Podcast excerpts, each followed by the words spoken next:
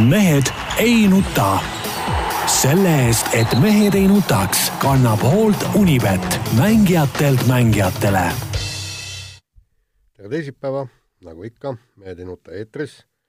Tarmo Paju Delfist. tervist! Peep Pahv Delfist ja Eesti Päevalehest. tervist! Jaan Martinson Delfist, Eesti Päevalehest ja igalt poolt mujalt. hakkasin täna hommikul mõtlema. jaa, väga see ei tõota, see ei tõota üldse head muidugi. jah, ei, väga hea tegevus, soovitan kõigile. ei, ei, see, aga... see tulemus ei tõota head, aga räägi. mõtlesin, et just, et, et kas on midagi siin nüüd saate eel paari sõnaga öelda, aga siis hakkasin mõtlema jah, et tegelikult kui EKRE-t ei oleks, siis tuleks EKRE välja mõelda, sest praegu on ikkagi totaalne hapukurgi hooaeg ja tegelikult on spordis ka, aga, aga noh, mujal ka ja ja, ja, ja kui sa vaatad, kuskohast need suured uudised tulevad ja kus vähemalt rahvas mingil määral lärmi lööb ja kust millestki vähekene räägitakse, ongi siis see nüüd kuulus vastasseis.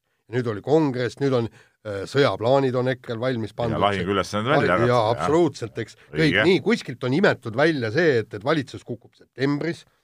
selles mõttes muidugi meie üks noh, peaaegu noor reporter Vahur Koorits minu arust ise välja oma analüüsi kirjutades. no ei tea, kui sa, Peep, kuulad inimesi, kes justkui mingit infot omavad, siis midagi seal susistatakse. Jah, aga, aga, aga nüüd nagu, mõelge nagu tegelikult ka, noh. jah, aga mõelge nüüd, eks, et võtke see EKRE ära, et no põhimõtteliselt EKRE-t ei ole, ta on, ta ei ole valitsuses, ta ei tee kuskil lärmi, midagi. millest siis üldse, siis paneme lehed kinni. ei, aga kas need, ütleme, kui tuleb nüüd reform, tuleks valitsus, kas Reform on kuskil nagu öelnud ka, mida nad siis nagu paremini teeksid praeguses olukorras või? no kõike, ma arvan. ei, ei, mis sa arvad? ei, no, ei, kas nad on kuskil nagu öelnud ka midagi, mida nad paremini või teistmoodi teeks? no eks sa pead ilmselt nende, ma ei tea, valimislubadused üles otsima. küll, küll ma kuulsin intervjuud üks päev raadiost äh,, äh, kahjuks ma ei saanud nagu hääle intonatsiooni järgi aru, kes see täpselt oli, mingi Reformierakonna tegelane oli. ma saan aru, et hetkel nad siiski keskenduvad puhkamisele. ei, mind üldiselt see, et, et kui nüüd Reform tuleb tagasi võimule, kas siis uuesti aktsiisid keeratakse uuesti nagu peale no neid nad äh, ilmselt peale ei keera no,, sest aga... see on üks asi, milles nad on olnud ei, no, aga... sinu poistega ühel meelel. ei no seda küll, aga, aga mis siis üldse teistmoodi on siis, aga meil on ju, ega meie elu puutuvad ikka need asjad, mis, mis meil siin vastu võetakse, see mingi, mingi rahvusvaheline maine ja see on mingi kuradi umbluu, mida nad siin ajavad, mis trummi nad siin löövad. see ei huvita nagu kedagi, mind huvitab ikka see, mis nad siin meie reaalselt, meie elu jaoks nagu, nagu paremini või teistmoodi teeksid. näiteks kui EKRE oli opositsioonis, eks ole, siis EKRE kogu aeg oma kuulsas raadiosaates rääkis, mida nad teeksid teistmoodi. aga ma ei ole kuskil kuskil kuulnud äh, Reformierakonna või sotside juttu, mida nemad teistmoodi teeksid. ainult äh, lauskriitika, muud midagi. ja ega nad ei teekski miskit ja tegelikult, kui, kui vaatame, mis on Eesti elu puudutavatest küsimustest olulisem, siis vähemalt Tallinna inimestele on see pagana tõukeratandus ei noh, see jura tuleb ära lõpetada. jah, et see on, see on kummaline. see, see, see on ohuallikas, ei julge enam kõnnitee peal kõndidagi ja, ja, ja kui sa ei kõnnigi.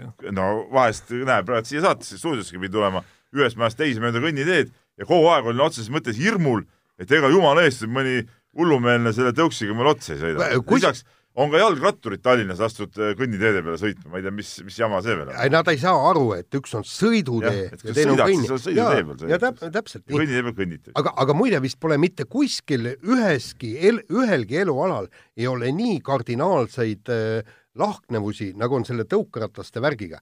näiteks seal oli Inglismaal, ei ole üldse avalikel teedel sellega lubatud sõita, ainult erateedel tahad tõukerattaga sõita. Äh, Soomes on nii, et kõnniteedel sõidad, kohe tehakse trahvi, see oli päris kopsakas ka trahv, see oli mingi kakssada eurot, tehakse trahvi, aga meil vastupidi, sellega just kõnniteel sa võidki sõita ja, ja sa ei tohi sellega sõiduteel sõita. et, et maailmas ei ole veel suudetud asjale pihta saada, mis asi see tõukeratas on ah, käige rohkem jala ja sõitke autoga. ei, just õige, muidugi, lõpetame selle tõukeratanduse ära. jaa, sinu kõndimiskiiruse juures, kusjuures veel see tõukeratas on täitsa ebavajalik. täiesti tarbetus on see. ei muidugi, no vana, vanusega on ei no või, kui tõukeratas ikkagi vana hea kondimootoriga tõukeratas. sellega ei ole nagu mingit ohtu. sellega ei ole mingit ohtu, eks ole. aga noh, selle, seal ju panevad ju tead, juuksed lehvivad, tead, no seal pole nagu midagi nii okay,, kuule, aga lähme spordi juurde ja räägime sõitmisest ja sõiduvahenditest, aga veidikene kiirematest. Soome ralli lõppes noh, nii nagu ta pidigi lõppema, kakskümmend viis pluss viis Ott Tänakul ja, ja noh, jällegi tuli tõdemus, nii ka täpselt siis, kui auto vastu peab, Ott võtab selle laua täiesti puhtaks.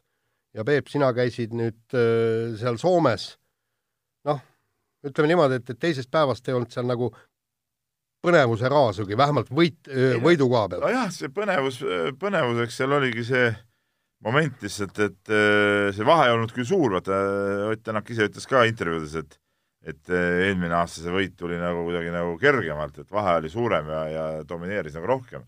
aga noh, kokkuvõttes ikkagi ka see niisugune viieteist, kümne-viieteist sekundiline vahe, mis seal Esa-Pekka Lappiga püsis, noh see oli suht kindel, et ega seal nagu oli nagu selge, et kui seal mingit äh, suurt apsakat kuskilt ei tule ei tehnika osas ega mehe enda osas, siis nagu noh, varianti ei ole, et nüüd järsku hakkaks teine mees kuskilt aega tagasi võtma lihtsalt sõidu, et no seda, seda võimalust nagunii ei ole. Soome rallil ju tegelikult äh, vahed ongi natuke teistsugused kui eelmine, eelmine aasta võitis Ott väga suurelt, väga suurelt.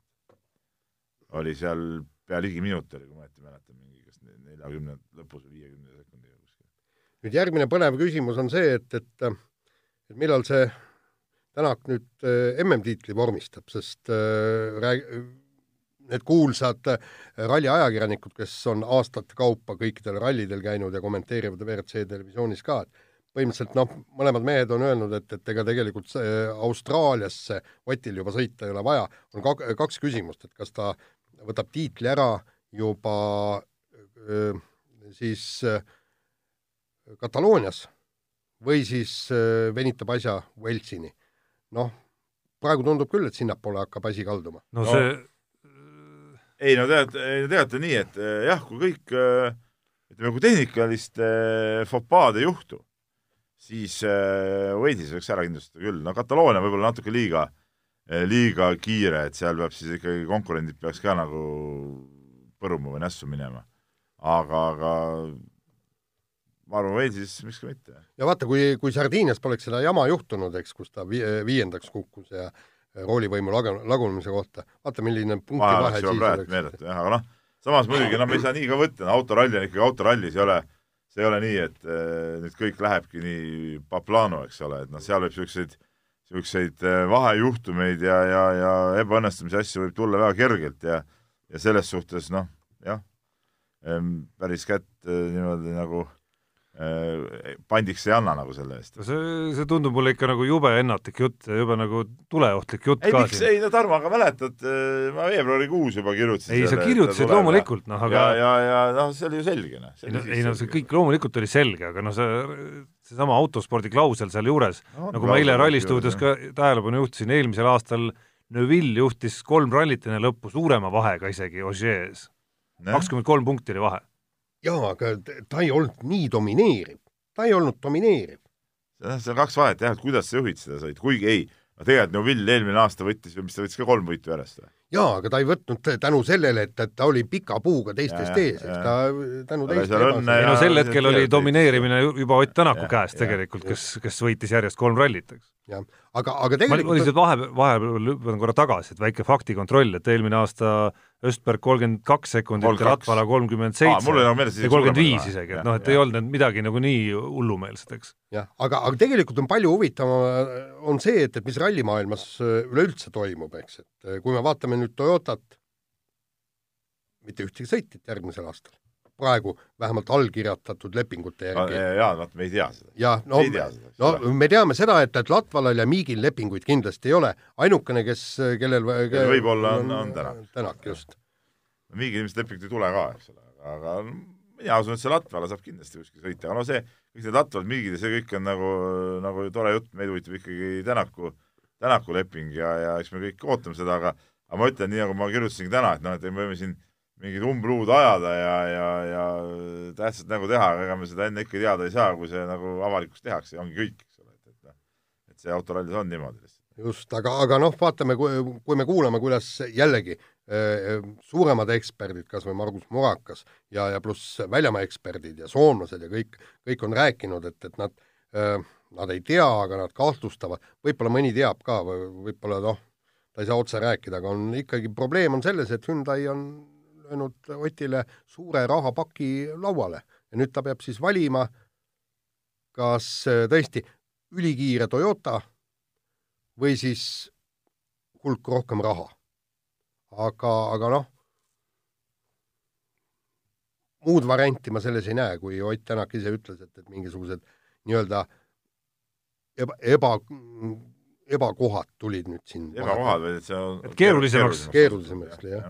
ilmselt see on, aga, aga no siin on igal pool noh, kui, vaadata, et, et mida siis Priin hakkab tegema, ei no siin on, ei no siin on nagu mitu asja tegelikult, noh, mis see Hyundai kahjuks nagu räägib, noh mitte kahjuks, vaid, vaid ütleme, mis võib nagu teha Tänaku jaoks nagu keerulisemaks Hyundai kasuks otsustamise, on see, et Hyundai's on ju ikkagi selge see, et Neuvill jääb ka edasi sinna. No tal on leping kestab jah. leping kestab, eks ole. et, et, et kas ta tahab Neuvilliga ühes tiimis sõita, noh selles suhtes, et et eh, Neuvill on ikkagi üks kolmest suurest praegu ja, ja kas kas Ott tahab olla ühe nii-öelda nagu suurega koos ühes tiimis või kas üldse keegi tahab seda, et kaks No. suurt oleks ühes tiimis? ei no keegi ei taha seda, aga ta oli Ožeega ühes tiimis ja mitte no jaa, aga sealt, aga miks ta, miks ta läks nagu Toyotasse, oligi see, et ta tahtis sealt nagu ära sealt, jaa, aga sellepärast, et, et Ožee jäi esinumbriks.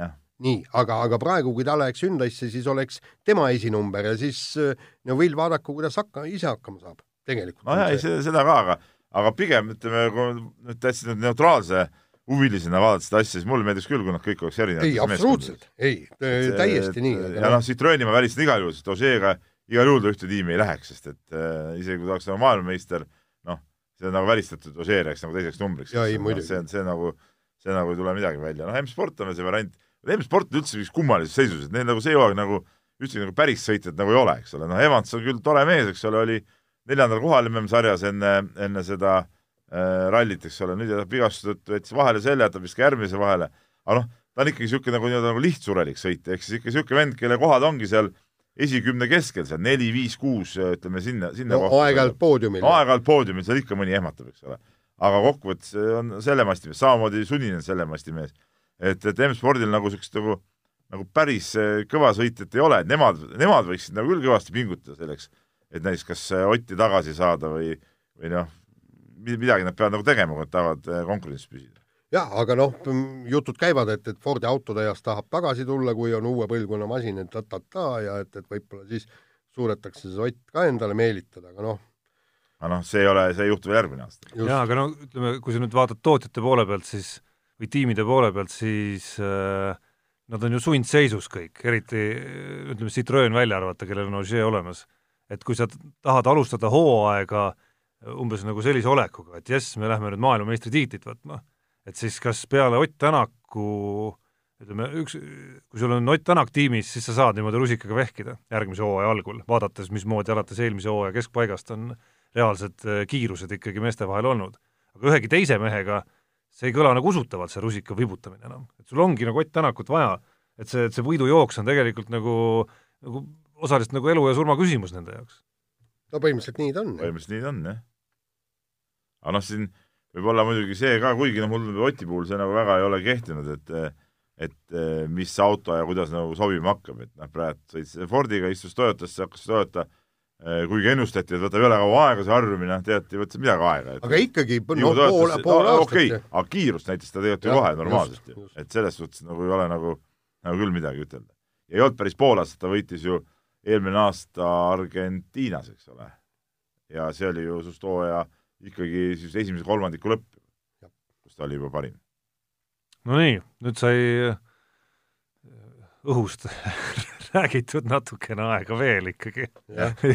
ja nüüd võib ametlikult ilmselt Soome ralli järgsetele juttudele Eesti ajakirjanduses joone alla tõmmata. võib küll, ma arvan, jah. ja kui te tahate nagu veidikene asjalikumat juttu või, või sisukamat juttu, siis kuulake meie rallistuudiot pärast rallit, et seal me räägime tegelikult ennast rohkem tühjaks. see on juba nagu kordus, nii, lase kõlli. laseme kõlli.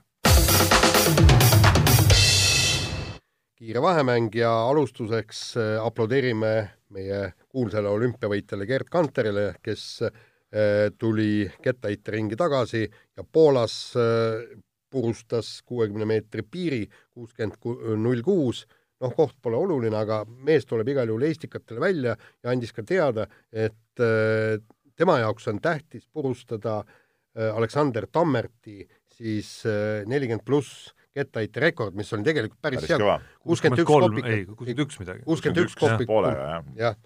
et, et tegelikult on hästi sümpaatne, et ta leiab motivatsiooni jätkata ka nii-öelda spordis, ma ei ütle seda, et tippspordis, aga et spordis. no see jätkamine on ju selles mõttes nii ja naa, et olles treener, siis ta paratamatult on ju staadionil kogu aeg ja on jõusaalides ja on nendes kohtades, samal ajal tahab ta ennast vormis hoida, noh, niisugune nagu loogiline jätk on ikkagi vahel tulla ja natukene no, harrastus. natukene noh. nagu ärritada või õrritada neid seal mehi, ma saan aru, et siin oli ka väike kihlvedu nagu mängus Malahovskiga. et kas jääb viis meetrit vahe või, või Malahovski suudab ikkagi natukene enam meetreid sinna vahele panna, et kui juba niisuguse ütleme, ma ei taha show öelda, aga noh, kui niisuguse nagu meelelahutuse peale eh, Gerd Kanter on läinud, siis minul tuli ikkagi nagu see mõte esimesena, et, et me peame ikkagi oma lubaduse ikkagi ära täitma, et Gerd Kanter on endiselt vormis, järelikult tuleb meil see kettaheite võistlus temaga ära teha, Peep. nojah, nii ta on, nii ta on. muud ei oska öelda, jah. entusiasmi ma ei märka. ma ei, ma ei ole väga entusiastlik täna hommikul, aga aga ei, mis puudutab Kanterit veel, siis siis nagu ta ise ka ütles, ma lugesin täna David Serp oli taga teinud Õhtulehes korraliku loo ja et ega see adrenaliinipaagid on nagu tühjad, et ega ta ise niisugust nagu, kuidas ma ütlen, nagu särtsu või erutusse võistluse pealt ei tunne, et see ongi täitsa niisugune nagu noh, hobi, hobivärk nagu, et ikka oled ja teed ja noh, aga ma arvan, et kui ta nüüd sinna Eestikat jälle läheb, vot siis, siis ma arvan, et natuke võib-olla tõmbab tal ka ikkagi vere keema, et et Kupperil oleks päris lahe ära panna. ja, ja, ja kusjuures veel siis, kui Kupper ei ole noh, nagu seal midagi erilist ei heida ja seal ja. on kuskil noh, sul on vaja kuuskümmend üks, kakskümmend kaheksa panna selleks, et tulla Eesti meistriks, küll siis lööb ikka vanamehel adrenaliini ka üles. Nii, aga vahetame teemat ja adrenaliini lõi üles siin nädalavahetusel äh, nii mõnelgi teisel mehel, ehk siis äh, meie legendaarne spordikommentaator, äh, hea sõber Kalev Kruus tegi siis läbi Tallinna Ironmanil oma elu esimese täispika triatloni, aeg neliteist tundi, neliteist tundi viis minutit ja kaheksateist sekundit ja, ja no suurt respekti Kalev Kruus selle finiši järel avaldas kõigile neile, kes seda spordina teevad, et et need tema sõnul normaalsed inimesed ei ole, et ma vaatasin eile õhtul Ringvaates äh, videolugu ka sellest, kuidas Hannes Ermaküla sellesama asja läbi tegi, et et noh, tegelikult täpselt täpselt samad sõnad, mida Kruus ütles siin nende kohta, ütlen mina nii Hermaküla kui Kruusi kohta, et et selline hulk tunde pingutust ei, ei ole küll mitte miski, kuhu ma tahaks oma nina nagu toppida, et mulle kümne kilomeetri jooksudistantsist piisab. nojah, nõrk oled, Tarmo. olen küll, jah. et, et sa oled veel noor mees ka, et sa jõuad veel ju tegelikult keskea kriis on ees. keskea kriis on veel ees, kui niisuguseid asju ette võetakse. aga, aga jaa, ei no kõva, kõva värk igal juhul, et, et et äh, ma ka elasin nagu Kalevi sellele sooritusele nagu mõttes kaasa, olles ise Soomes samal ajal, et, et, et ta ikka lõpuni vastu peaks, et noh, mäletavasti tal eelmine aasta ju, ju jäi haigeks, jäi haigeks enne seda võistlust, ta ei saanud nagu minna ja ja, ja et nüüd, nüüd ikka kõik hästi läheks ja läks hästi, et noh, ma ütlen, et see oli kõva värk, noh, kõva värk.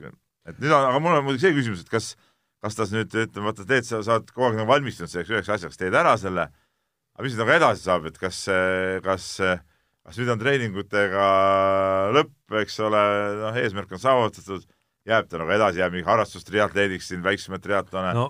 Jätkuvalt tegema või Ironman või ma ei tea, ma ei ole nüüd kuskilt tähele pannud, kas no, on, ma rääkisin temaga, eesmärke seadnud? ma rääkisin temaga päev pärast, äh, pärast selle triatloni lõpetamist, see oli siis pühapäeval, jah äh, kus ta ütles, et äh, pärast finišit oli tal küll tunne, et esimest ja viimast korda aga et päev hiljem on tal juba tunne, et ta ikkagi teeb selle raudmehe triatloni veel korra läbi, vähemalt korra.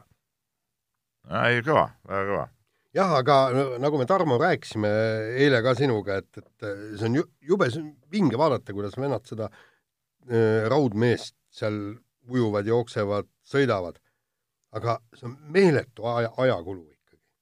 vot ma ütlen, et, et mul oleks ääretult noh, ma, ma ei tahaks mitte, mitte see nüüd, et neliteist tundi seal rajal olla, selle kannataks välja, aga treenida. treening on muidugi rajus, ma olen see suvi püüdnud ka jälle natuke vanade aegade mälestuseks natuke rohkem ratast sõita ja rattasõit on ka ikka selline aja, ajakulukas asi, et eilegi käisin äh,, jõudsin küll normaalsel ajal koju, mõtlesin, et noh, mis seal on siis.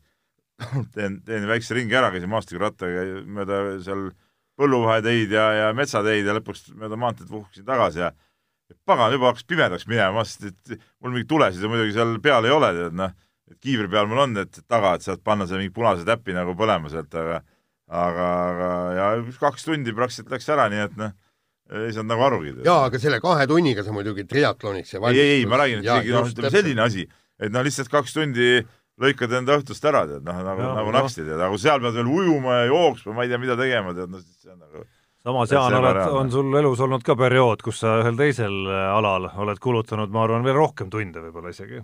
ja umbes sarnases vanuses, nagu hetkel on Kalev Kruus. nojah. seal tööajal käib mängimas kogu aeg.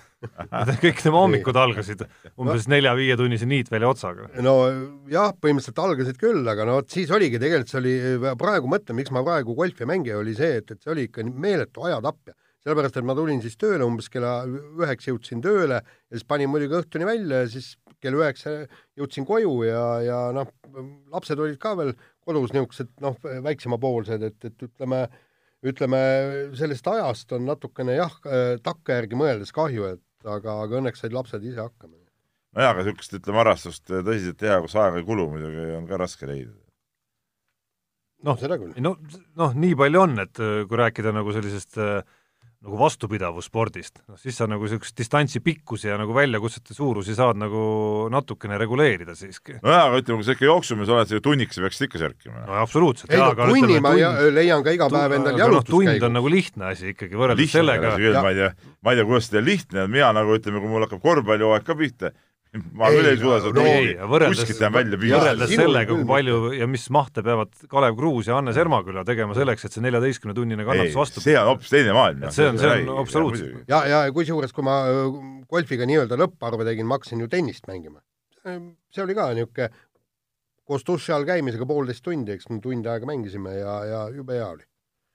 nii, aga hea ei ole elu äh, jalgpallur Jevgeni Kabajevil, see on siis äh, mees, kes mängis FC Levadias, ründaja, väravalööja ja nii edasi, ületas mees siin Eestis siis kiirust äh, juba ja mitmendat korda, ta pisteti kaheks päevaks äh, pokri ja, lõpuks tühistati äh, aastaks ka mehe viisa ja saadeti maalt välja, nii et FC Levadia on nüüd keerulises seisus, pole Pole meest, pole ründajat ja pole, ja üleminekute aken on kinni, pole kuskilt võtta uut mängu. no üsna jabur lugu veel selles mõttes, et Levadia just tõi Just selle tõi, mehe meeskonda, et osa nendest rikkumistest olid siis tema eelmise nii-öelda Eesti Jah., Eesti nii-öelda nagu treti perioodist üldse. huvitav, seal on ikkagi ilmselt see, et, et Levadia ei uurinud piisavalt tausta ja, ja te- tegelikult ega noh, kes see mõtleb nüüd selle peale, et, et äh, isegi kui sa oled võistkonna juht, sul ei tule unes ka pähe, et, et vend võidakse niisuguse asja pärast maalt välja saata, eks ju.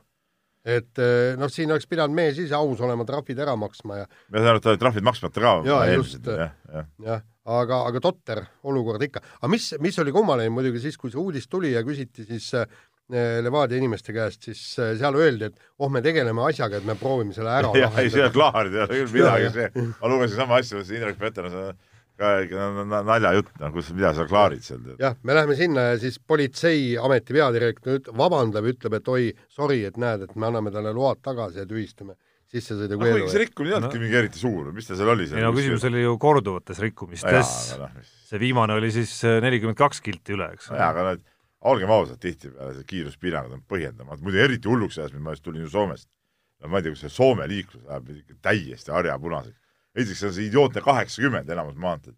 siis need kuradi soomlased sõidavad seitsmekümne kaheksaga seal kogu aeg, tead, või seitsmekümne viie. või seitsmekümne viiega, noh. no ja kolmandaks on seal äh, vist sellel samal trassil on äh, päris palju kaameraid. nüüd kuradi ehit-, vabandust, pannud püsti ju iga kilomeetri taga kiiruskaamera, noh, ebareaalne täiesti, no kogu aeg. ei no see kiirtee, mis sa sealt öö, põletad, see on normaalne. aga need väiksemad teed ja noh, kui sa seal kiiruskastega käid, neid kiiruskaameraid ja seda venimist ja siis on see keskel see pagana pidev joon kogu aeg ja ilge jama, no ma seal ikka panin silmad kinni vahest, et ja, noh, ei ole seal aega seal niimoodi sõita. ma ei tea, kui ma seal elama peaks, ma oleks täitsa hulluks, et noh, täitsa see ei ole rea-, reaalne sõita niisuguse kiirusega. mis, kui siis autod üldse, ma ei tea, ma ei tea, saja kahekümne viie kuubikulised ja, ja, ja ongi kõik, rohkem kiirust pole vaja samas. kiirteedel on seal nagu elu on väga, väga ärgas ka Soomes. seal sai sõita, ei see kiirtee ja kusjuures ka seal soomlased äh, noh, ei sõida saja kahekümnega.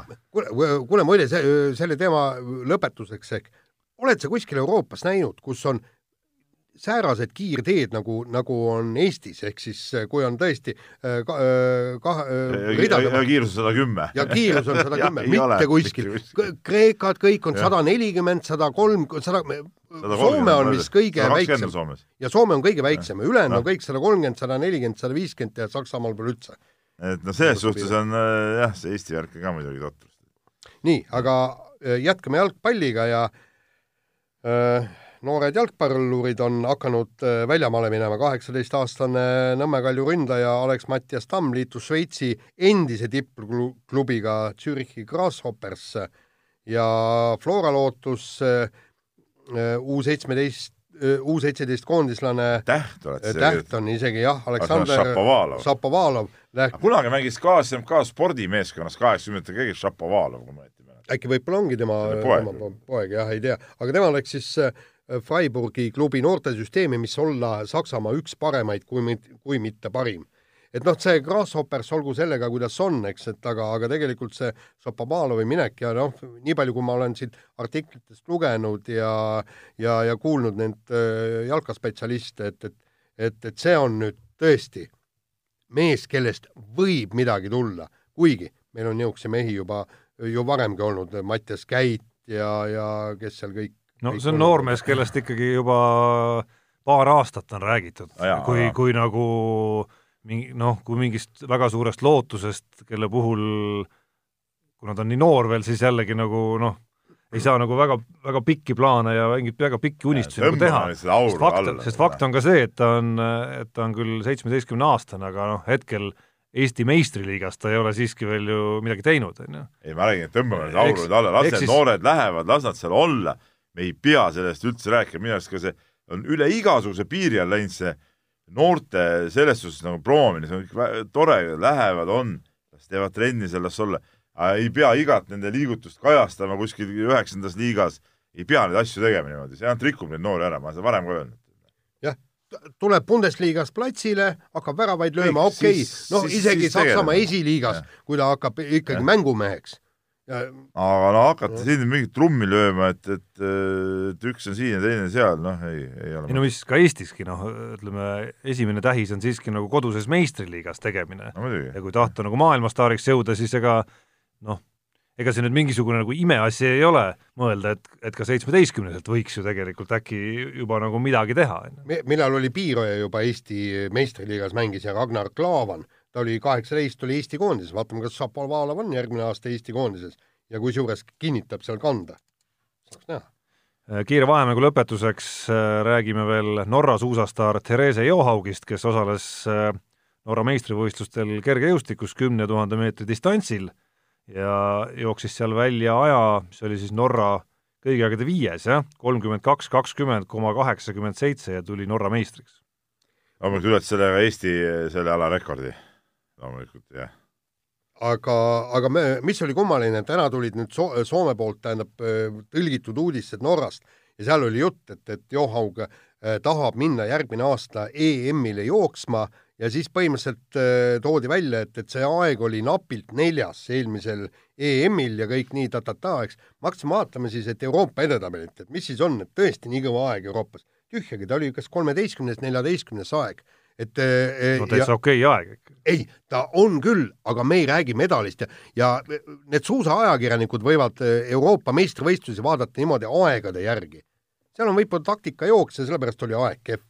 Seal ikka gaas põhja pannakse, ei ole see joohaugi kuskil näha, ma kardan. no mis sa, mis sa põrkama hakkasid siin? ei, ma, mind just üllatas väga see, tore, kui ta läheks sinna jooksma. ei, kõik on tore, aga ma räägin, et talle riputatakse juba kaela EM-i medalit. kusjuures ta jääb öö, üle minuti jääb öö, hooaja tippmarkidest alla. noh. jaa, aga siis ta võib-olla valmistus ka spetsiaalselt selleks, kui ta läheks EM-ile. no vaevalt, et ta, vaevalt, et ta nüüd liiga pikalt saaks valmistuda, et, et ärme hõiska enne õhtut, aga siin ma tahaks kindlasti öelda, Eesti suusatajad, ma loodan, et on kindlasti Eesti meistrivõistlustel stardis no mina ei tea, suusa omal ajal äh, Peep Koidu seal, minu äh, Vasalemma külamees seal minu tänavastki, Eesti koondise suusataja käis alati meil valdades Spartakiaadil seal jooksis kolme tuhandet ja seal olid teisedki vanad suusamehed, kõik olid stardis. jaa, ei, no valdades Spartakiaad on üks, aga on me räägime, tähtsam asi, mis sa räägid, Ei. see on tähtsam kui Eesti tsempionaat, valdade, valdade Spartakiaad. kusjuures väga huvitav oli, vaata, mainisin ka puhkuse ajal, käisin Pühajärve jooksul, et äh,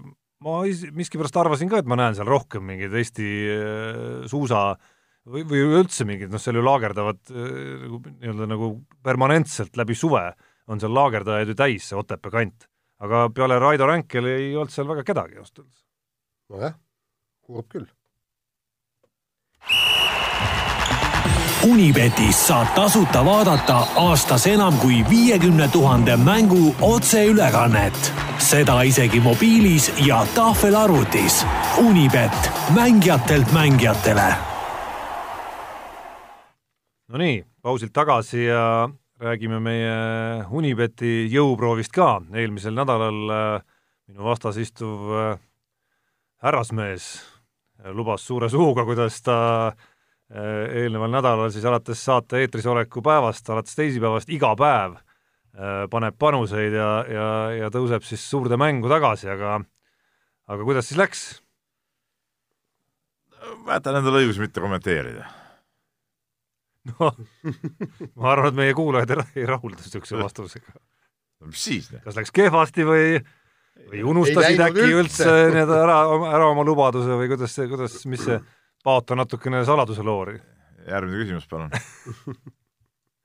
okei okay,, kuna Peep ise äh, ilmselt tahab varjata, siis, äh, siis tuleb ikkagi äh, kuulajaid natukene aidata, et tegemist oli ikkagi unustamisega või, või ma ei teagi, mis asi see seal oli. no ühesõnaga, lootusetu juhtum noh, mina siksin ikkagi seal äh, kuskil omades, et, et vahepeal tõusin kahesaja joone juures. kahesaja joone juures jah, ja aga mul on kaks panust üleval ja väga mahlakad panused, et, et, et kui ma nendega kümnesse panen, siis ma teenin umbes viiskümmend eurot ja siis ma olen see on nagu, nagu lotovõidust unistaksin mees. umbes nii jah, aga, aga jah, ei no ta on, olen võitnud, olen kaotanud.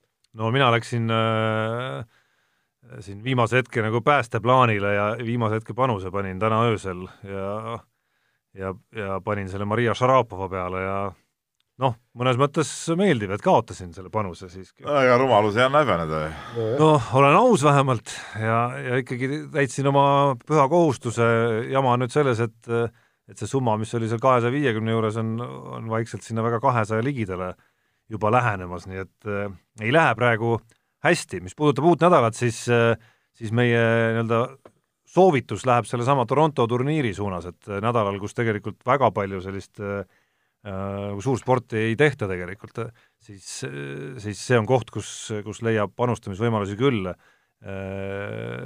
Meie eripanuse soovitus, mida hetkel ei saa veel kuidagimoodi välja panna, on, puudutab ka Anett Kontaveiti, aga esmalt peab talle vastane selguma ja siis saab seda turniiritabelit edasi vaadata. ütleme niimoodi, et vaatasin öösel seda mängu ja Anett mängis päris korralikult, noh, ütleme niimoodi, et, et esimene serv natukene hakkis ja, ja servi vastuvõtt oli ka eks see pilt hakkis? ei, serv hakkis. ja, ja aga siis, kui Saravat, Sarapovaga läks pallivahetuseks, ehk siis pall läks mängu, et siis ta võitis umbes punktide võidud olid kuuskümmend Anetile ja nelikümmend Sarapovale et tegelikult, kui ta natukenegi oleks esimeses game'is, tal oli mingi kolmkümmend üks protsenti või kolmkümmend, ma ei tea, alla neljakümne protsendi oli siis see eh, esimese servi õnnestumisprotsent ja nii kui ta esimese ära laksas, nii oli kohe ta kenasti mängus. et ta tegelikult oleks pidanud selle Sarapova jällegi ära karistama seal kuus-kaks, kuus-kolm, aga aga, aga muidugi see pikk game, mis oli otsustavas setis neli-nelja peal see on üks, üks vingemaid geime, mis, mis ma viimasel ajal näinud olen, kaheksateist minutit ta kestis. seal oli vist üheksa korda oli seis tasa ja Anett võitis selle, selle geimi siis kolmandalt äh, murdepallilt.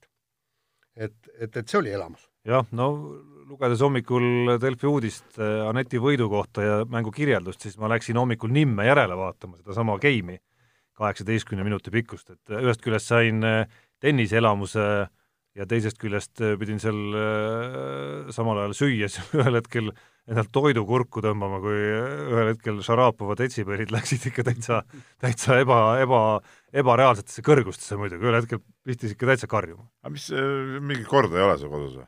millist? kodus hommikusöögi ajal näpid telefoni või? mis telefoni? telekast vaatasid? telekast, no seda enam. Noh. söögi, söögi ajal süüakse, mitte ei tegeleta kõrvaliste asjadega. ahah sa ei loe lehte ega midagi, ei tee kunagi? lehte, söögi ajal, loomulikult mitte. Perekondlik jutuajamine? kui kedagi on laua taga, siis küll jaa, aga ma pean poissi kedagi ei ole, siis, siis on tal jutuajamine selle kõige targemaga, iseendaga. iseendaga, jah. aga ma pean poissi ka nagu ikkagi manitsema, et, et söögilaua taga ei, ei ole vaja nagu telefoniga seal mäkerdada. Ei tea, ma mäletan juba lapsest saadik meeldis mulle, kui ajalehte ei olnud, siis raamatut lugeda, kapten Granti laste parimaid mingeid lehekülge sai toidu kõrvale kogu aeg loetud. Mingi kord peab ikka olema, näha on, et noh, see oleks seda ka näha, see on, ega sealt need euronoored tulevadki, noh, distsipliin null. nii on. nii, aga lähme kirjade juurde, kirju on seekord erakordselt palju ja, ja siin on huvitavaid asju ka, kõik kindlasti ette lugeda, aga võtame siis huvitavad asjad, Tamm Tamm, meie ka üks alaline kirjasaatja on kirjutanud siis äh, jalgpallist ja, ja, ja jalgpallist just selles, selles äh, võtmes, et äh, kevadel laenas äh, FC Flora Kuressaaret mängijaid selleks, et pidada sõpruskohtumist äh, Soome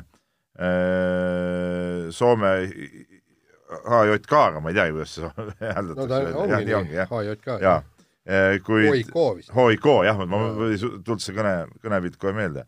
nüüd läks aga Flora mängima Itaalia teise liiga meeskonna sõprusmängu, samal ajal oli aga planeeritud meistriga mäng Viljandiga, mis lükati edasi. et küsimus, et milline on teie seisukoht sellise mänguaja muutmise kohta, mina ütlen, see on täielik lollus, Floral tuleks panna null kolm kaotuse, mis see alistusvõit on ja, ja ongi kõik, see on ju, see on ju absoluutne, absoluutne null austus oma koduse liiga ja mingi profiliiga suhtes, et, et et jalkaliit tahab küll, küll on mingid õudsed klipid tehtud ja ja räägitakse, kus on professionaalne liiga ja nii edasi ja siis korraga öö, üks meeskond lihtsalt, ah, ma olen mänginud mingi Saksamaa teise liiga mingi suvalise sõprusmängu, no see on ebareaalne. seal on veel teine küsimus. kui me räägime, et, et meil on see kalender niivõrd tihe, et me peame alustama juba jaanuarikuus või, või veebruarikuus ja, lõp ja lõpetama jõulude ajal. ja lõpetame jõulude ajal, siis siit selgub, et tegelikult ei ole ju nii tihke see kalender midagi, et kui me saame rahulikult äh, keset suve siin neid mänguaega, aegu niivõrd muuta, et siis palun lõpetage see niisugune äh, sõprusmängude pull ära ja alustage normaalselt nagu soomlased aprillis. eks see näitab no. seda, et Flora on ikka natuke riik riigis ka ikka Eesti jalgpallis ja see on jätkuvalt nii ja nii on ja see ei, see ei ole õige no Florale see null kolm ei saa panna, sest äh, nii-öelda Jalgpalliliit andis ametliku loa. jaa, aga sinna Jalgpalliliidul endal tuleks panna null kolm korraks. mulle tundub natuke, kas see asiotaaž nagu, nagu üle võlli ei ole läinud, et mis, mis see probleem antud juhul nüüd siis nii suur ikkagi on? probleem on see, et on äh, liiga kava on ette nähtud ju noh. ja kas tõesti mingisugune sõprusmäng äh, mingisuguse suvalise võistkonnaga on tähtsam kui su oma paika pandud mängukalender? ja vaata alati vastaseid, vaata ka. ei, ma saan aru, selge, ma olen isegi käinud kunagi ajakirjaniku äh, ajakirjaniku aja üsna algusaegadel, kus FC Floral tekkis ühel suvel, kui te mäletate, võimalus mängida sõprusmängu sellise klubiga nagu AC Milan Sitsiilias, see üritus toimus ka veel. noh, mis, mis on ilmselgelt nagu ma arvan, äh, võimalus, mille puhul ei oleks keegi piiksatanud ka mitte midagi, no, kui, kui seda mänguaega oleks muudetud. jaa, aga praegu tegemist mingi täiesti suvalise asjaga, noh et aga ma ei suuda nagu ütleme, hooaja sellises faasis sellest ka mingisugust nagu väga suurt probleemi nagu näha ikkagi. ei, Tarmo näitab jälle, näitab jälle seda, et sul puudub elementaarne niisugune kord. ei, äh, Tarmo, vaata, räägime vastasest. vastasel on täpselt teada mängukalender, kõik ta-, nad on äh, noh, pannud kõik oma plaanid selleks, et nad nüüd, nüüd mängivad Floraga ja siis äh, tuleb see, aga nüüd järsku see mäng topitakse kuhugi sinna kuhu neile ei meeldi. ei, ma mõtlen seda, et kas Hispaania meistrivõistlusel näiteks, kui Flora kutsub Madridi Reali sõprusmängule ja samal äh, päeval peaks olema neil mäng näiteks äh, Barcelonaga, nii. ja siis ütlevad Reali omad, et ei, stopp no., Barcelona mäng lükkame kuskile edasi, me lähme Floraga mängime äh, kuskil Kapa-Kohilas ja sõprusmäng. ilmselgelt võrdled ei. praegu seda samust, seda samusega. ei, mis mõttes? aga põhimõte on ju sama. Pohlak ju räägib, et kuidas me siin teeme ka profiliiga kas siis Eesti proff on kuidagi nagu, nagu, nagu viletsam proff, kui on Hispaania proff näiteks. et noh, ainus nagu, nagu suurem probleem, mida ma näen, on see, et, et noh, antud juhul me räägime sellest, et see luba tuli tulevikult, eks ole, et see kuidagi nii õnnelikult sattus nende jaoks, et see vastane oli tulevik, kellega seda muudatust oli kokku leppida, noh, ütleme, ei pidanud väga konsulteerima, eks ole. et äh, oleks see Narva Trans näiteks olnud ja, ja ka Trans oleks selle loa andnud või Levadia siis noh, siis, siis me võib-olla ei näekski seda probleemi, aga kuna see oli tulevik, siis me nagu näeme ja mõnes mõttes võib-olla nagu võimendame seda üle ka veel. ei no jaa, aga Jalgpalliliit peaks asja selgeks tegema. Nad ütlesid, et mõlemad meeskonnad olid nõus. aga mis see tähendab siis? ei, ütlevad ei, see on mängukalender, okei okay,, platsile ei tule ja kui te olete mõlemad nõus, mõlemale null kolm kaotus, kõik, väga lihtne. palun, mine mängi seal. noh, nad on ka tegelikult ei öelnud ma saan aru nendest taustalugudest, et on öelnud ei nii Florale kui ka, kui ka teistele klubidele mingitel juhtudel siin, Nõmme Kaljule näiteks.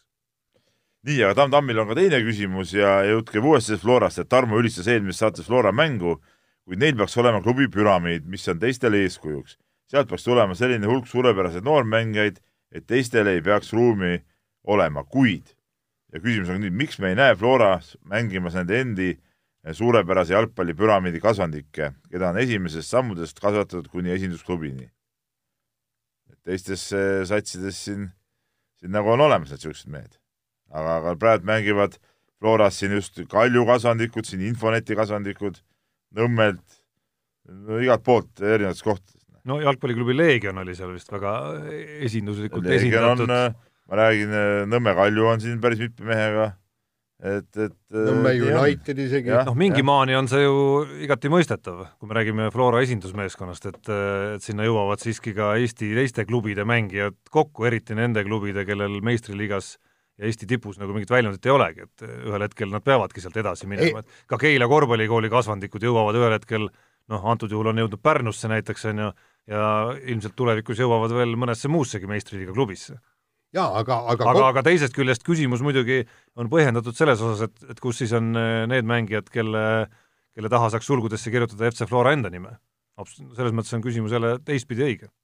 ei, väga õige on see küsimus. nii, aga mm, Sauna-Madis Jõe äärest küsib ja, ja, ja küsimus on siis rohkem nagu äh, Tarmo sulle, et äh, tahaks uurida, kuidas edeneb Pajul pojale fotograafia nüansside valgustamine, nagu Martinsoni Joss sees, nii Pahv juunior praegu suunatakse ka pajuurb ka sundkorras nagunii meediavankri haiste vahele dünastiale kohaselt. no nii, mis sul on selle kohta ütelda? no kas sa suunasid poissi või? no kunagi kindlasti ma ütlesin, et näed, kuule, tuled kaasa, teed mul mõned pildid siin, tead, noh, ikka tead, noh. et äh, no hetkel mingit suunamist toimunud ei ole, välja arvatud nii palju, ma pean pattu tunnistama, et äh, mul endal seisab, suhteliselt seisab üks, üks Nikoni kaamera, mille ma mõne aasta eest ostsin ja ma olen äh, nagu vihje visanud õhku, et, et äkki tahaksid nagu, nagu nokitseda selle kallal. et noh, vaatame, kas nopib selle vihje üles või mitte, et midagi peale suruma ma ei hakka muidugi. ei no ma ka peale ei surunud, lihtsalt, et ta oli mul ükskord oli päris noore poisina oli kaasas, kui ma tegin autoga niisugust äh, tretti, kui Eesti koondis mängis järjest Ukrainas, Ungaris ja Tšehhis. ja siis ma tegin, mõtlesin, et, et poisiga on äge, see oli suveaeg ja, ja läksime autoga ja siis äh, mul oli omal fotokas kaasas ja siis ma ütlesin, et davai, noh, tee siis proovi pilti teha, kui ta tegi ja, ja, ja nii see kuidagi läinud, et praegu ta su suure huviga tegeleb sellega. kas see nagu päris töös saab, muidugi selle, selle kohta ma ei oska midagi ütelda. kus, kusjuures omalt poolt äh, soovitan kõigil lab, lapsevanematele, et, et pakkuge oma lastele vä- välja võimalikke variante, millega tegeleda? millega tegeleda ja, ja näiteks mul on noh, ma mõtlen, me oleme Jossi saatnud nii puutööd tegema vanaisa juurde kui kui igast muid, ta oli korvpallikohtuniku litsentsi tegi ära ja vilistas ka mänge, aga ta ütles, et see, see talle ei sobi, et psühholoogiliselt nagu see kohtuniku töö ei sobi, ta teenis sellega pär, päris okeilt raha ja kõik iga, igale poole, et, et äkki kuskilt haagib külge. ja, ja, ja siis fotokaga oligi niimoodi, et, et omal ajal see, ta sõbralt sai selle kunagised need digiseebikarbid, noh tõesti, no inimesed ilmselt ei mäletagi nende olemasolu. ja, ja selle sai ja järsku poisil lõid silmad nii põlema, et ja, ja põhimõtteliselt kolm päeva käis ringi ja hakkas mingeid fotokompositsioone looma ja kõike, talle nii jubedalt hakkas see asi kohe meeldima ja ja, ja, ja, ja niimoodi leidiski endale elukutse, et just see, et, et suunake teda igale poole, et tont sellest teab, kuskohast ta kinni haagib mm. -hmm. nii, aga äh, huvitava äh, kirjaga on saanud maha Siim meil ja ta kirjutab meile ka veel natuke rallist et äh, tõi näite, kuidas eelmisel aastal võitsid kõiki, kõikides klassides nii Rally Estonia kui ka Soome ralli samad mehed e,. ning ka eel, eelmine aasta käisid Padon, Priin Rally Estonial, näitasid pigem e, hiljem seal väga head kiirust. tänavu läks täpselt samamoodi, Lappi, Mikkelsen ja Priin e, käisid Rally Estonial, eks ole, ja olid Soome rallil ka, ka tugevad ja nüüd ta küsibki, et, et et, et mis te arvate nagu, et noh, alused on see, et Kožeer, kes järgmine aasta viimast hooaega, noh, ei hakka siia Rally Estoniale tulema, aga, aga kui Neuvill, kas käituks järgmine aasta lollisti, kui ta nüüd jälle Rally Estoniast kui suurepärasest Soome ralli testist loobuks. sisuliselt pakutakse ju siin mehele kandikule ette, et tule ja proovi seadista autot siin nii palju, kui tahad ja vii enda mõtted juba kiiretele kruusateedele. seda enam, seda enam, enne kui sa, Jaan, vastad, et Neuvill enne Soome rallit ju hakkaski virisema selle üle, kuidas Toyotal on eelis, kuidas nad saavad seal Soome teedel tehase lähedal testida ja nii edasi jah, ja, ja ei kasutanud võimalust ära ja muide seda, kes vaatas WRC pluss ülekandeid, siis seal öeldi ka, et Eestis käidi harjumas selle kiirusega. üks on testimine, aga just see, et nad harjusid selle ki kiirusega pärast, pärast pausi, eks ju, ja, ja nüüd tulid Soome ja, ja kõik oli tuttav, ei, ei mingeid probleeme. ja tegelikult väga hea küsimus. loomulikult Neuvill käituks lollisti, kui ta ei tuleks siia Eestisse sõitma järgmine aasta. Vilja muuseas käinud rallis toona. ei, on küll, ta on mitu korda vist ei, isegi käinud ja aga, aga nüüd. vist ühe korra, aga võib-olla kaks korda, aga no siis ta muidugi polnud mitte keegi. nii, aga meie viimase aja hea sõber, teadlane Priidik on saatnud meile järjekordse huvitava küsimuse ja, ja, ja küsimus on tõesti päris põnev, et seekord tunneb teis huvi, et millal oli saatejuhtide arvates kõige kuldsem hetk Eesti spordis pärast teist maailmasõda ehk millal oli juhuse ja sportlaste pingutuste kokkulangemise tulemusena lühikesel ajavahemikul kõige suurem maailma tasemel sportlaste ja tiitlivõistluste medalite kontsentratsioon. no see on, siin ei ole vaja üldse midagi rääkida, see oli aasta kaks tuhat kuus. Äh, see oli aasta kaks tuhat kuus, kui oli niimoodi, et, et, äh, et äh, mm pronksiga sai, sai pääsenud no mitte kuhugi Eesti parimate sportlaste valimisel, noh, esikümnesse, võib-olla esikümne lõppu kuskil pääsesid. meil tulid olümpiakullad, meil oli Äh, see karateeka, mis ta oligi, Marko Luhamaa, maailmameister, äh, Andrei Inessin äh, laskmises maailmameister, maal, maalduses nabi maailmameister, Irina Emrich võitis kaks medalit nii MM-ilt, vist oli hõbeda kui EM-ilt, siis oli Sven Järve võitis vehklemises MM-ilt pronksi ja seal oli veel mingeid asju. aa, kuule, kas ka kaks tuhat kuus ei tulnud see juunioride äh, Äh, see oligi see äh, kolm kulda, või neli kulda õigemini, see Hunt sai kaks, eks ole.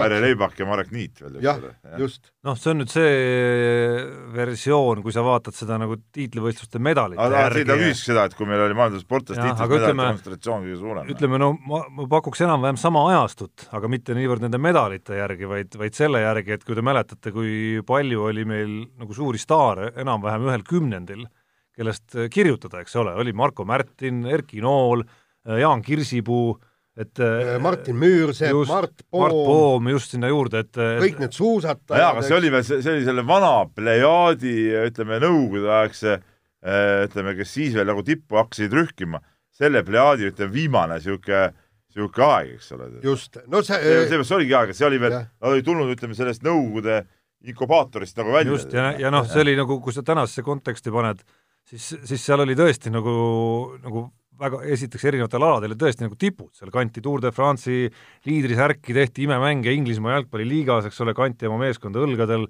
käidi, võideti Euroopa korvpallikarikasarjades tiitleid ja. ja nii edasi, nii edasi. ja, ja näiteks judokad, no seal ei olnud ühtegi judokad olid kogu aeg ju ka medalite peal. just, nii Bertelson kui ka Budõlin võitsid kumbki vist kaheksa tiitlivõistluste medalit, eks ja, ja, ja see vanem Budõling sai vanem Budõling ka sai ühe medali ja, ja, ja, ja see, see oli ikkagi, vot see oligi aegal, kuskil üheksakümmend üheksa kuni kaks tuhat kuus, seitse, kaheksa, vot see periood oli see metsik aeg, jah. see oli metsik aeg, jah. aga noh, kindlasti on kuskil äh, Nõukogude ajal olnud ka muidugi selliseid, kui, kui hakata hoolega vaatama, lihtsalt, lihtsalt mitte päris selliseid väljundeid, vaid, vaid siis tõesti ainult tiitlivõistluste medalid, noh nojah, eks see kaheksakümmend meil oli eh, Moskva olümpiat, meil oli kolm olümpiavõitjat. no just täpselt, jah. oli kolm vist, eks ole. jah, eh, Loor, Uudmäe. Uudmäe, Loor ja Stukolkin jah, just. et, et, et, et olid ka, olid ka vinged ajad muidugi, miks ka mitte. ei no seitsekümmend kaks samamoodi kõrvale. Tarmo Talts, eks ole, Tširkova. jah, jah, täpselt, jah. nii. aga lähme siis nüüd teemadega edasi, sest kell on jälle märkamatult libisenud päris kaugele. jah no ütleme niimoodi, et, et siin tuleb nüüd tempot äh, juurde panna, sellepärast et äh, rääkisime küll. sõnad Jaani poolt. ja, jah et, et arvasime, et on hapukurk ja, ja panime siin no väiksemaid no, teemasid. hapukurk meile ei maitseb, kellele ei maitse hapukurk? Äh, eriti, muide... eriti kui ta on, ütleme, lõigatud lahti niimoodi. kõrval on kõrval on väike sihuke asjake mm täna just ostsin, paneme uued soolakorgid, meil on nüüd kuskil maikuust on siiamaani. sa lubasid teemat, ei tempot juurde panna. räägime Jüri Vipsist kaks neljandat kohta Ungaro ringilt F3 sarjas. Äh, poodiumile pääsenud, mõlemad korrad väristas nii-öelda kolmanda koha ära, äh, rehvid olid niivõrd kulunud, lasi endast mehe mööda, aga äh, lähenes esimesel korral ma juhin tähelepanu, Möh las ka stardi ära. ja, ja ei, seda ta ütleski. väga hea koha pealt. just, ta teise, teisena startis, aga Robert Schwarzmanile, selle sarja liidrile tuli ta lähemale, nüüd on vahe ainult kaksteist punkti ja, ja või, võitlus on, võitlus on ääretult tihe no.. ja siin on öö, küsimus, et öö, millised võimalused on tulla F3 maailmameistriks, ütleme niimoodi, et, et või, võimalusi on täi-, täiesti kolm etappi on sõita. kolm etappi, kuus sõitu, võimalus on fifty-fifty, aga kõige tähtsam on see, et, et tulla ikkagi esikolmikusse. sest see öö, lubab teha järgmise sammu. ma, no okei okay,, neljas koht ka seal neli meest võitlevad, neljas koht ei oleks jube hea. et selles mõttes see liidriga punkti vahe lugemine on nii ja naa, et eh, tagantpoolt tegelikult eh, ütleme, neljas koht, ühest küljest tuli esimene koht lähemale, aga teisest küljest tuli ka neljas koht lähemale ne. neljas koht tuli selle etapiga. aga, aga nüüd just eile lugesin, eh, lugesin, et nüüd algas ju vormel üks maailmas silly season, et, et kus räägitakse juba järgmise aasta võimalustest ja kõike, seal oli siis Red Bulli süsteemi puhul oli, oli väga pikk kokkuvõte ja siis oli ära toodudki, et et Jüri Vips ka seal, et millised on tema võimalused järgmine aasta F1-te ja öeldi, et võimalusi isegi võib-olla oleks, aga see oleks ilmselgelt vara. et ta peaks en ennem sõitma ühe hooaja F2-s, seal ennast tõestama ja siis vaatame edasi. ja ilmselt nii, nii ongi, ma arvan. Äh, vahetame teemat, äh, väikene jätk meie eelmise saate juttudele Eesti parimast korvpalliklubist BC Kalev Cramost ja, ja uutest värbamistest, see, mille me siin äh, vihjena õhku viskasime saate ajal, sai loetud tunnid vist peaaegu hiljem äh, ametliku kinnituse, ehk siis äh, Sander Raieste, üks meie uusi Eesti koondise äh, tõusvaid tegijaid, pääses siis Victoria Baskooniast, Hispaania tippklubist koju BC Kalev Cramosse üheks hooajaks laenule. väga hea värk, väga hea, väga hea valik, sellepärast et nagu mõlema jaoks, nii klubi jaoks kui mängija jaoks. mängida, mängijal on, ma usun, et ta siin saab mängida. et ta saab mängida siin noh, oma mingid minutid ära, saab mängida tipptasemel VTB-s igas kolm Euroliiga klubi on sul vastas, eks ole, pluss veel niisugused noh, ikkagi ühtselt tugev tase, väga hea. Eh, klubile ka, ütleme, publiku seisukohast on jälle üks niisugune oma noor mängija, keda nagu jälgida, kelle arengut vaadata läbi hooaja, kes võiks tuua nagu rahvast ka saali, noh. et, et selles suhtes ma ütlen, väga hea valik ja, ja üleüldse, kui vaadata nüüd seda Kalev Cramo uue hooaja koosseisu, kellega on nagu siin Eesti mängijatest tehtud, siis jälle nagu äh, on kuidagi nagu rõõmsam on see pilt või kuidagi nagu, nagu säravam, mis Raiest, eks ole, Jõesaar, kes eelmine aasta alustas väga hästi, on jälle tagasi. kes hästi. hakkab nüüd Raiestega põhimõtteliselt ja. võitlema mänguaja pärast. mänguaja pärast ja, ja, ja igal juhul see on, see on huvitav variant, noh, Sten Timo Soku tagasitulek ka Paasoja. kindlasti, kindlasti saab rohkem mängida kui vend äh, Tanel Sokk sai, lisaks veel Paasoja, kellest ammu räägitud ka, et võiks proovida siin Eestis, Kalevis tähendab väga, väga äge värk, ma ootan seda Kalevi hooaega väga suure huviga. Siim-Sander Vene ka nüüd siia tuua ja siis oleks ju ülivinge sats. ta juba läks Itaaliasse ära. No, alati saab üle osta jah, et, et ma mõtlen ka Raieste enda vaatenurgast äh,, seda küll ei ütle keegi välja, aga mulle tundub, et Peep, sa ka ise kirjutasid oma loo ridade vahele muidugi mingi sellise väikse nüansi, et, et mulle tundub, et seal äh, Kalev pidi ilmselt ka mingeid lubadusi andma ikkagi Baskooniale, ma arvan, Raieste mänguaja suhtes. no kindlasti, sest et sest ega nad ei saada oma, oma lepingu all olevat nii-öelda nagu projektimängijat nagu mitte kuhugi istuma. Ja, ja, ja mis võib vabalt juhtuda, on see, et kui noh, näiteks äh, noh, Stelmars ei ole mulle jätnud muljet kui treener, kes kuidagi avansiks mingit aega kuskil jagab, vaid pigem ajabki nagu väga suureks selle konkurentsi mänguaja pärast. et kui Raiest ei suuda nagu ise seda aega kätte võidelda, siis vabalt võib, ma pakun, juhtuda ka, et seal noh, tehakse mingisugune muudatus jooksu pealt veel. ei, seda muidugi jah, aga aga selge see, et, et Baskonia tahab, et Raieste saaks siin mängida. jaa, kusjuures on muide Läti, Läti liiga ka ja seal on, peaks mees mänguaega saama täpselt nii palju, kui, kui tal jõudu on.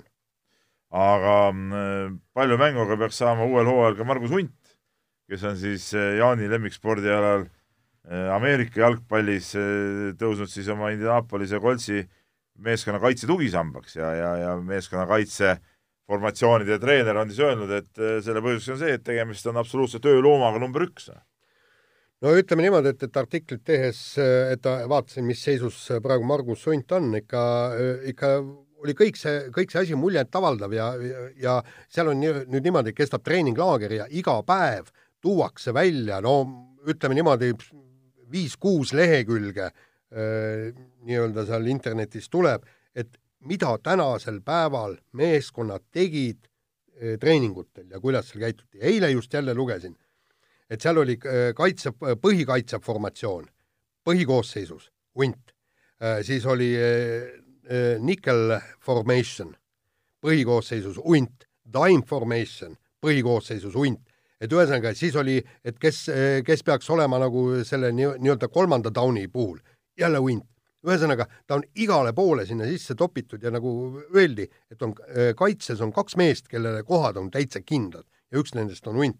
et, et, et see, see on kummaline, kuidas ta nüüd sisuliselt järsku ühe aastaga. nüüd sa järsku niisuguse superstaariks teed. ju, just ja, ja juba räägitakse, et, et ta mängib all pro tasemel ehk siis nii-öelda tähtemängu tasemel.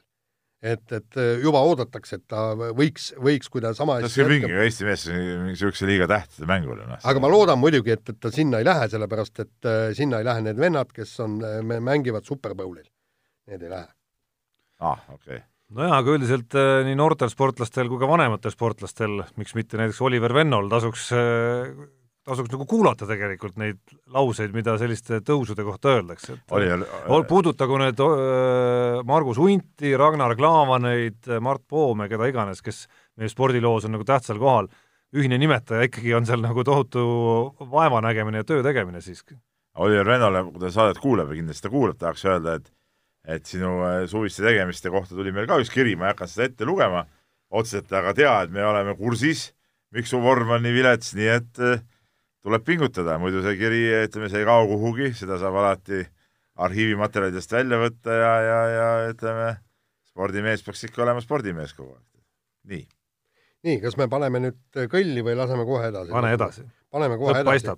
ja, ja lõpus räägime taas kord jalgpallist ja ja eile oli tegelikult hästi vinge uudis, tuli selle äh, Euroopa liiga loosi kohta ja rääkige, mida tahate ja, ja, ja öelgu need jalgpallijuhid ja, ja meeskondade esindajad, mida tahavad, aga nii head võimalust pääseda Euroopa liiga alagrupi turniirile, ma arvan, et lähitulevikus ei tule. et Nõmme Kalju peaks äh, kõigepealt olema üle Luksemburgi meistrist ja seejärel Gruusia-Armeenia meistrite paari võitjast ük-, mitte ükski me meeskond ei ole sealt äh, nii nõrk, et sealt üle jalutada, aga aga see ei ole äh, sul mingi Eintracht, see ei ole sul mingi Celtic, need on no, no, no mina ei tea, ma ei tea, kes see Gruusia kas see on Tbilisi Dünamo ikkagi? ei, ta ei, Dünamo ei olnud. ei olnud küll. aga ta on Tbilisi muu. aga, aga ikkagi Tbilisi Dünamo oli ikka omal ajal ju Euroopa karikavõitjate karikasarja võitja. jaa, see oli kunagi, jah. jaa, ja, ja mina tean, et Jere, Jerevani Ararat oli ka nagu kõva, liidu kolmas kõva, kõva eh, meeskond, et, et seitsekümmend kolm oli vist minu meelest liidu kolmas ja, ja karikavõitja. ma ei tea, sa nüüd nagu siin ka puhud need ootused nagu liiga üles. no fakt on see, et kui kuskil ennast ületada nüüd mingit, mingil hetkel eh, Eesti jalgpalliklubidel, Eesti klubidel eh, mängivad Šveitsi liigat. Eesti klubidel eurosarjas, siis, siis see oleks üks ideaalne koht, kus seda nagu teha no väga hästi valitud koht oleks see iseenesest, et no need ei ole kumbki Eintracht ega Glasgow Celtic. nii palju on Jaanil igal juhul õigus. aga kummaski paaris ei ole Nõmme Kalju ilmselgelt soosikuna ei lähe äh, rajale, et kui sa võtad, ma arvan, kihlveo koefitsiente vist veel ei ole, aga aga kui sa võtad need lahti, siis sa ka näed, et nii seda Luksemburgi klubi, mis paberil sõnaga Luksemburg hakkab meenutama mingisugust äh, väga lihtsat vastast äh,, kui ka siis Gruusia või Armeenia klubi vastu äh, Kalju ilmselt siiski läheb nagu nii-öelda underdogina väljakule, et seesama Luksemburgi klubi kas just eelmine aasta pääses sinnasamma Euroopa liiga alagrupi turniirile? jaa, just pääses jah, aga, aga noh, täpselt samamoodi, eks, et nüüd võta see Luksemburg ära ja ongi nii-öelda play-off'i koht olemas et noh, Kalju alagrupi? ei, play-off'i koht, kus sa kohtud kas Gruusia või Armeeniaga. see on, see on mingi totrus, play-off käib algusest peale. ei no seda küll, aga niimoodi nad ütlevad, et nüüd on esimene, teine, kolmas eelring ja siis on play-off ja siis aga, aga kuulge. noh, ütleme, Kalju korra millegi sarnasega on ju sellel hooajal nagu hakkama saanud, pääsedes Celticu vastu, et et see vastane, keda nad seal alistasid, ma julgeks pakkuda küll, peaks olema ikkagi üsna samast mastist, nagu needsamad Tudelanšid ja ja Armeenia-Gruusia klubid. ja no ütleme niimoodi, et siis jalgpalli üldsus läheks muidugi lolliks peast ära, kui nad äh, sinna alagrupi turniirile pääseks ja, ja tegelikult see oleks päris vinge. ütleme jah, et meie ka jalgpalliajakirjanike ütleme tervise pärast peaks muretsema pärast no seda. just kindlasti. nii, kas äh, paneme sellega saatele punkti, kas me teeme rekordsaate? teeme üle pika aja, suutsime, ei suutnud, kell on kaksteist kiiresti kõll peale, siis äkki sekunditega veel alistame tunni piiri. ja kuulake meid järgmine nädal. mehed ei nuta. saate tõi sinuni Unibet, mängijatelt mängijatele